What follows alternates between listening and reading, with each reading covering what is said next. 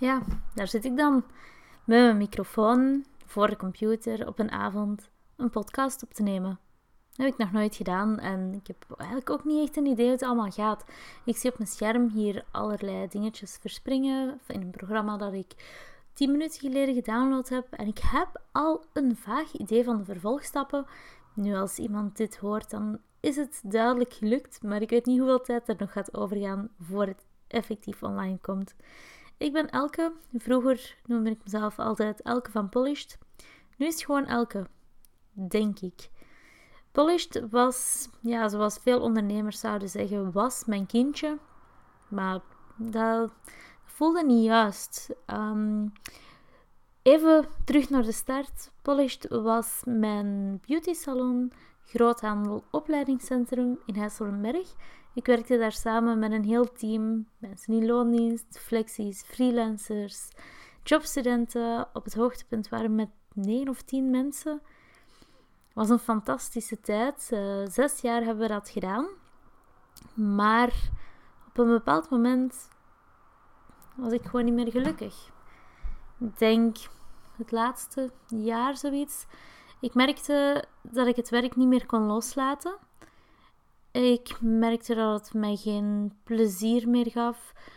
Um, de vroegere jaren vond ik het juist leuk om bijvoorbeeld op zondag open te doen, een koopzondag, een avond langer te blijven. Feestdagen, oh nee, dan zouden we zeker open doen of een opleiding organiseren zodat zoveel mogelijk mensen konden komen. Terwijl het laatste jaar ik ehm, maanden op voorhand al in de agenda op zoek ging naar momenten waar ik de brug kon maken. Dat is niet zo'n uh, goed teken natuurlijk, zeker niet als het om je eigen zaak draait. Alle dagen werden een soort van moeten en heel veel draaide uiteindelijk om het ideale plaatje en ik probeerde mijn ego constant te voeden. Een ego dat het goed deed op meer, altijd meer, meer volgers, meer omzet, meer winst, meer mensen die naar mij opkeken, meer uh, verkopen, meer weet ik veel. Alles meer, meer, meer. Beter, sneller, harder, weet ik veel. Was geen tijd meer voor even bezinning en nadenken van, is er het wel?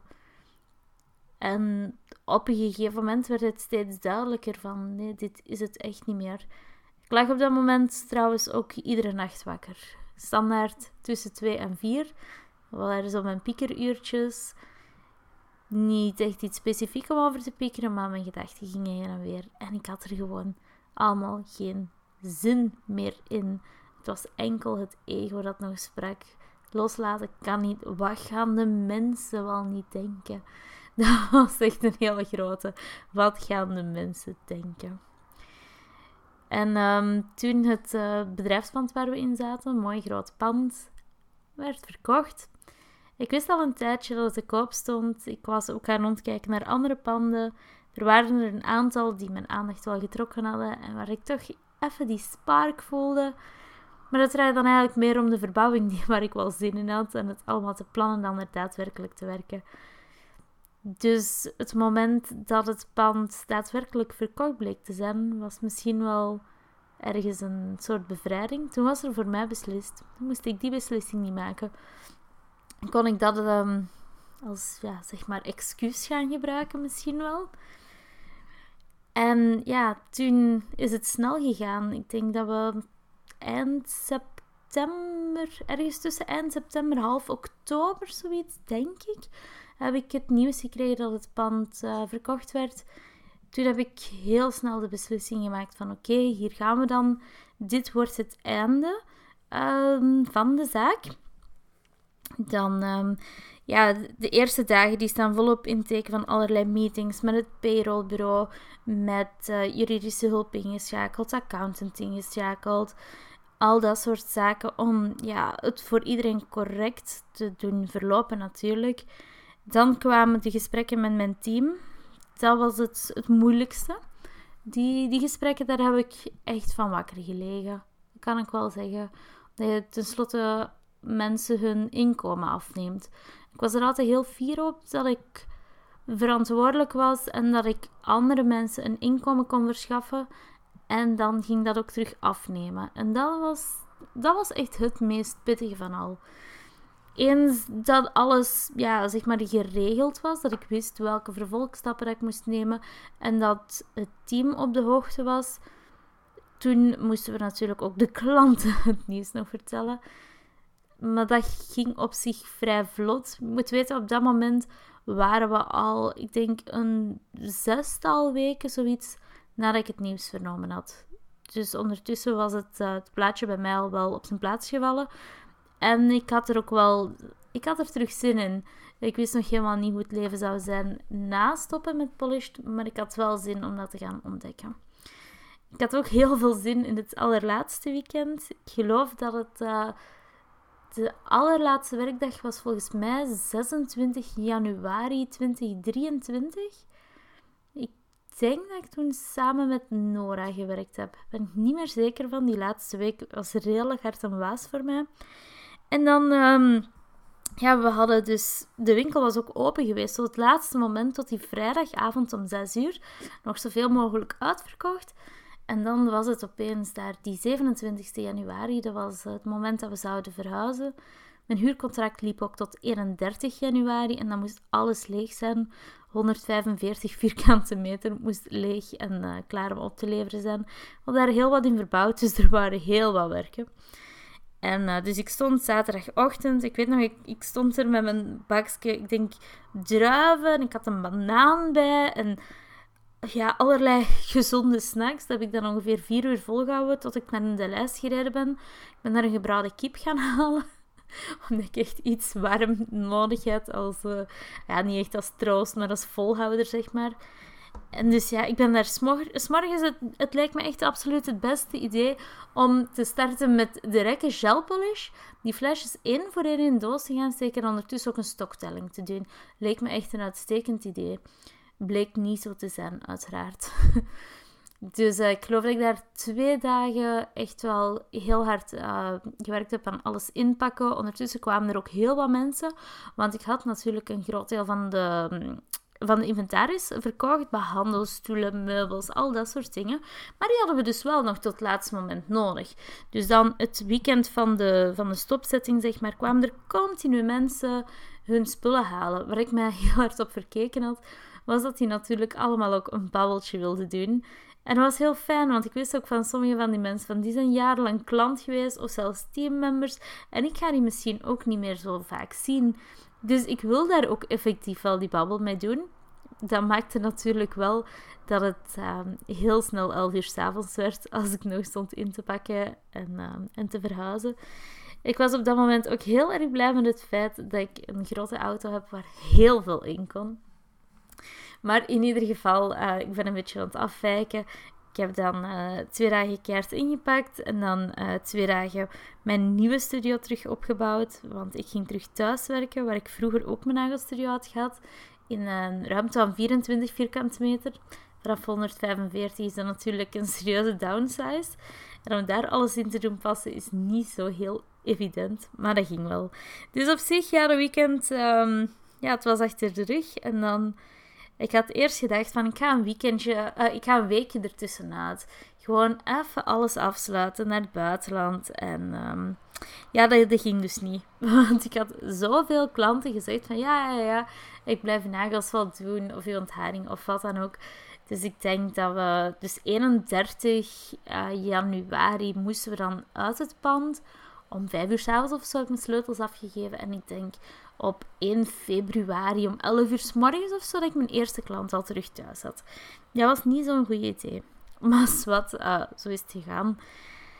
En die eerste maand was echt een rush. Ik denk heel februari, half maart ook nog was rush, rush, rush. Ik had zoveel mensen op de agenda staan. Ik wilde eigenlijk minder gaan werken, maar ik had drie keer zoveel behandelingen als ervoor. Dus daar was ergens iets heel erg misgegaan in mijn concept. En dan ik ben toen op een maand tijd 4 kilo afgevallen. Gewoon van constant aan het werken te zijn. En na het werk had ik nergens zin meer in. Had ik ook um, geen tijd voor niks meer. Dus dan zat ik in de zetel gewoon uren op TikTok te scrollen. En dan ging ik slapen. En de dag daarna hetzelfde. Dat deed ik dan zes dagen in de week. Terwijl ik altijd vijf dagen in de week maar um, bij Polished werkte. En dan de vier weken daarna ben ik weer op een maand, uh, is die 4 kilo erbij gekomen, gewoon omdat ik van ellende heel de tijd zat te eten. Zat te snacken, zeg maar, tussendoor aan of vijf minuutjes tot mijn volgende klant. Oké, een Leo binnensteken. Zo, uh, een soort van troost, zeg maar. En toen besefte ik weer van, ik ben weer dat ego aan het laten spreken. Want, oh tof, zoveel klanten willen met mij meekomen. Dat zal wel teken zijn dat ik echt iets goed aan het doen ben. En ik ga die allemaal aannemen en ik zeg op iedereen ja. En ik zeg ook op de mensen die ik nog niet ken, zeg ik ook nog ja. Gewoon die agenda bom bom volsteken. Dus was enigszins, eh, langs de ene kant was dat mijn ego dat heel fier was dat iedereen voor mij koos, zeg maar. Dat klinkt nu heel klote van mij, maar het was helemaal niet zo. Dus er zijn ook heel veel mensen naar andere teamleden gegaan. Ik heb ook iedereen daar helemaal vrij in gelaten. Maar dat is wel het wat mijn ego zei, zeg maar. Van, yes, ze kiezen voor mij, ik ben goed bezig. En aan de andere kant was dat natuurlijk ook omdat ik heel bang was om opeens zonder inkomen te vallen en dat, ik opeens helemaal geen afspraken zou hebben en een half lege agenda. Want daar was ik echt, zonder het toe te willen geven, was ik echt wel heel erg benauwd voor.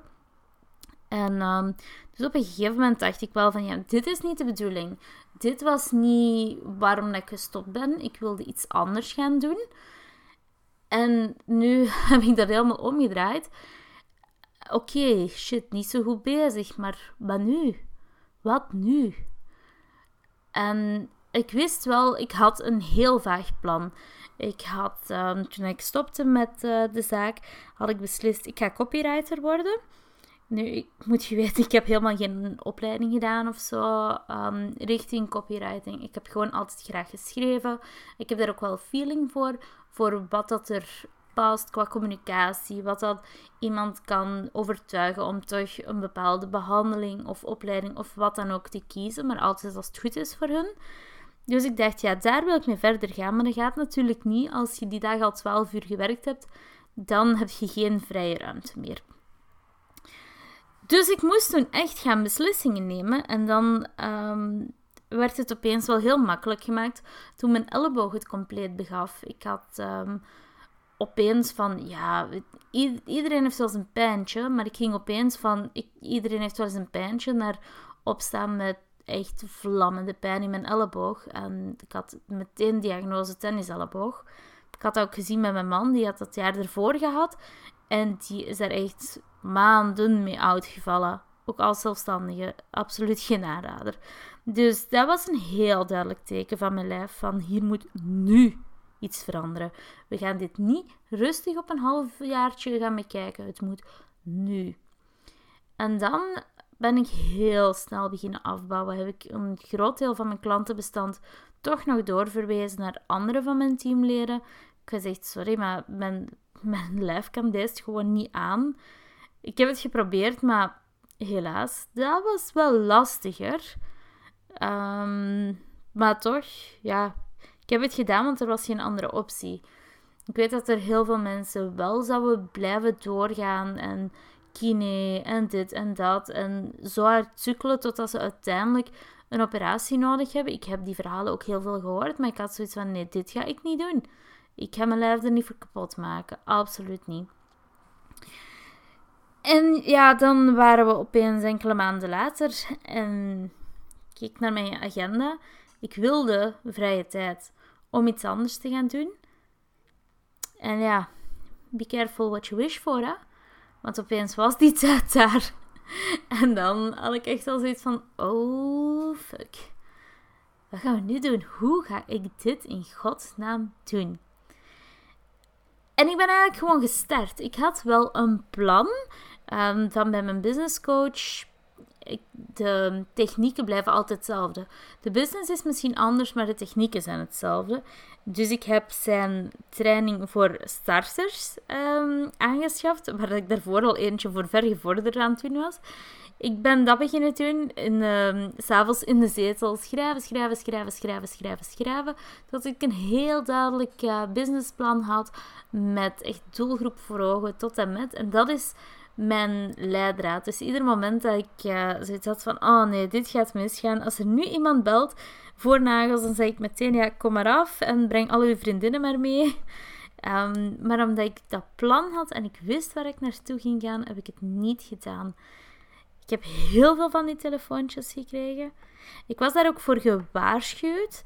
Um, kijk, het leven gaat u nooit testen. Nou ja, soms wel. Het leven gaat u wel vaak testen met problemen, maar het leven gaat u nog veel vaker gaan testen met verleidingen. Is hetzelfde als je op dieet bent, dan, um, dan gaat je niet maagpijn krijgen en dan denken van, oh nee, deze gezondere keuzes ga ik toch niet meer doen. Nee, je gaat langs de oma en die heeft juist, een, uh, die heeft juist warme wafels gebakken dat, uh, dat zijn de verleidingen van het leven. Dat, dat is wat je van je pad afbrengt. Het, de verleiding, niet de problemen. Dus die verleiding kwam heel vaak. En nu nog steeds hoor. Iedere dag telefoontjes, mailtjes. Kan ik alsjeblieft een afspraak maken? En iedere keer moet ik nee zeggen. Maar door het plan te hebben, door echt duidelijk dat businessplan te hebben. Het is heel duidelijk, maar het is heel kort. Het past op ja, op één bladje van een notitieblok of zo past mijn volledige businessplan. Door dat te hebben, heb ik een leidraad en heb ik vertrouwen, want ik weet dat het plan goed is. En dan is het nu gewoon, ja, ogen toe, go with the flow en het plan volgen. Op dit moment werk ik nog zo'n 2,5 dag per week aan behandelingen betekent ook dat mijn omzet tegenover toen ik een heel team had en een winkel. Uh, en tegenover nu, ja, dat is, dat is niks meer. Dus dat is ook even een mindfuck. Maar um, tegelijkertijd merk ik wel dat ik um, als copywriter nu er vooruit op aan het gaan ben. Ik heb al heel wat praktijkervaring kunnen opdoen de voorbije maanden. Voor heel wat collega's uh, al kunnen werken, voor ex-collega's en ook voor anderen. Ik ben een opleiding digitale marketing aan het doen vind het allemaal super leuk. Ik, ontdek weer nieuwe dingen. Ik heb nu opnieuw die leerling mindset. Waarbij ik gewoon. Je houdt mijn mond, je zet je ergens van voor op de eerste rij. Je hebt je notitieboekje vast en schrijven, schrijven, schrijven, schrijven. En dat heb ik gemist. Um, als nagelsles. Niet dat ik niet meer heb bijgeleerd, maar zo die die magic of new beginnings, zeg maar. En die heb ik nu echt terug. En alles is nu wauw. En het is zoals dat je voor de nagelslisten zonder ons misschien niet aan het luisteren zijn. Die eerste set nagels die je gezet hebt, waar je zo blij mee. En als je die achteraf terugziet, dan denk je, aha, ja. Maar dat, die excitement, die heb ik nu terug. Dus een beetje zoals als je heel lang samen bent met iemand, dan mist je misschien soms zo dat gevoel van verliefdheid. En ja, je moet dat niet op een ander gaan zoeken, want dat is, dat is een affaire natuurlijk. Dat is niet zo aan te raden. Maar je kunt dat eventueel wel in je job gaan doen. Terug een soort verliefdheid in je job gaan creëren. En voor mij was dat op dit moment de beste keuze om dan gewoon iets anders te gaan doen. En um, het mooie is ook dat op dit moment lijken alle opties open te staan. Omdat, ja, er is in de wereld van digitale marketing, van copywriting, van conversieanalyse en, um, en verbetering, is er nog zoveel voor mij te ontdekken. Dus ik, zeg ik heb terug zo die leerling mindset en alle opties voor de toekomst staan open. En ik ben nu aan het leren podcasten. Dat is iets dat ik al twee jaar aan het zeggen ben. Van, ik ga eens een podcast opnemen. En ik heb zelfs al een micro, want mijn man had ook ooit het fantastische idee om een uh, YouTube-channel te beginnen. Dus we hebben gewoon al een micro. Ik heb die in mijn computer gestoken. Ik heb een programma gedownload. Daarin ben ik nu aan het, um, aan het opnemen. Een programma om de podcast online te zetten gaat mij 8 euro per maand kosten. Dat is niks. Maar ik heb dit nooit gedaan omdat de ruimte er niet was in mijn hoofd.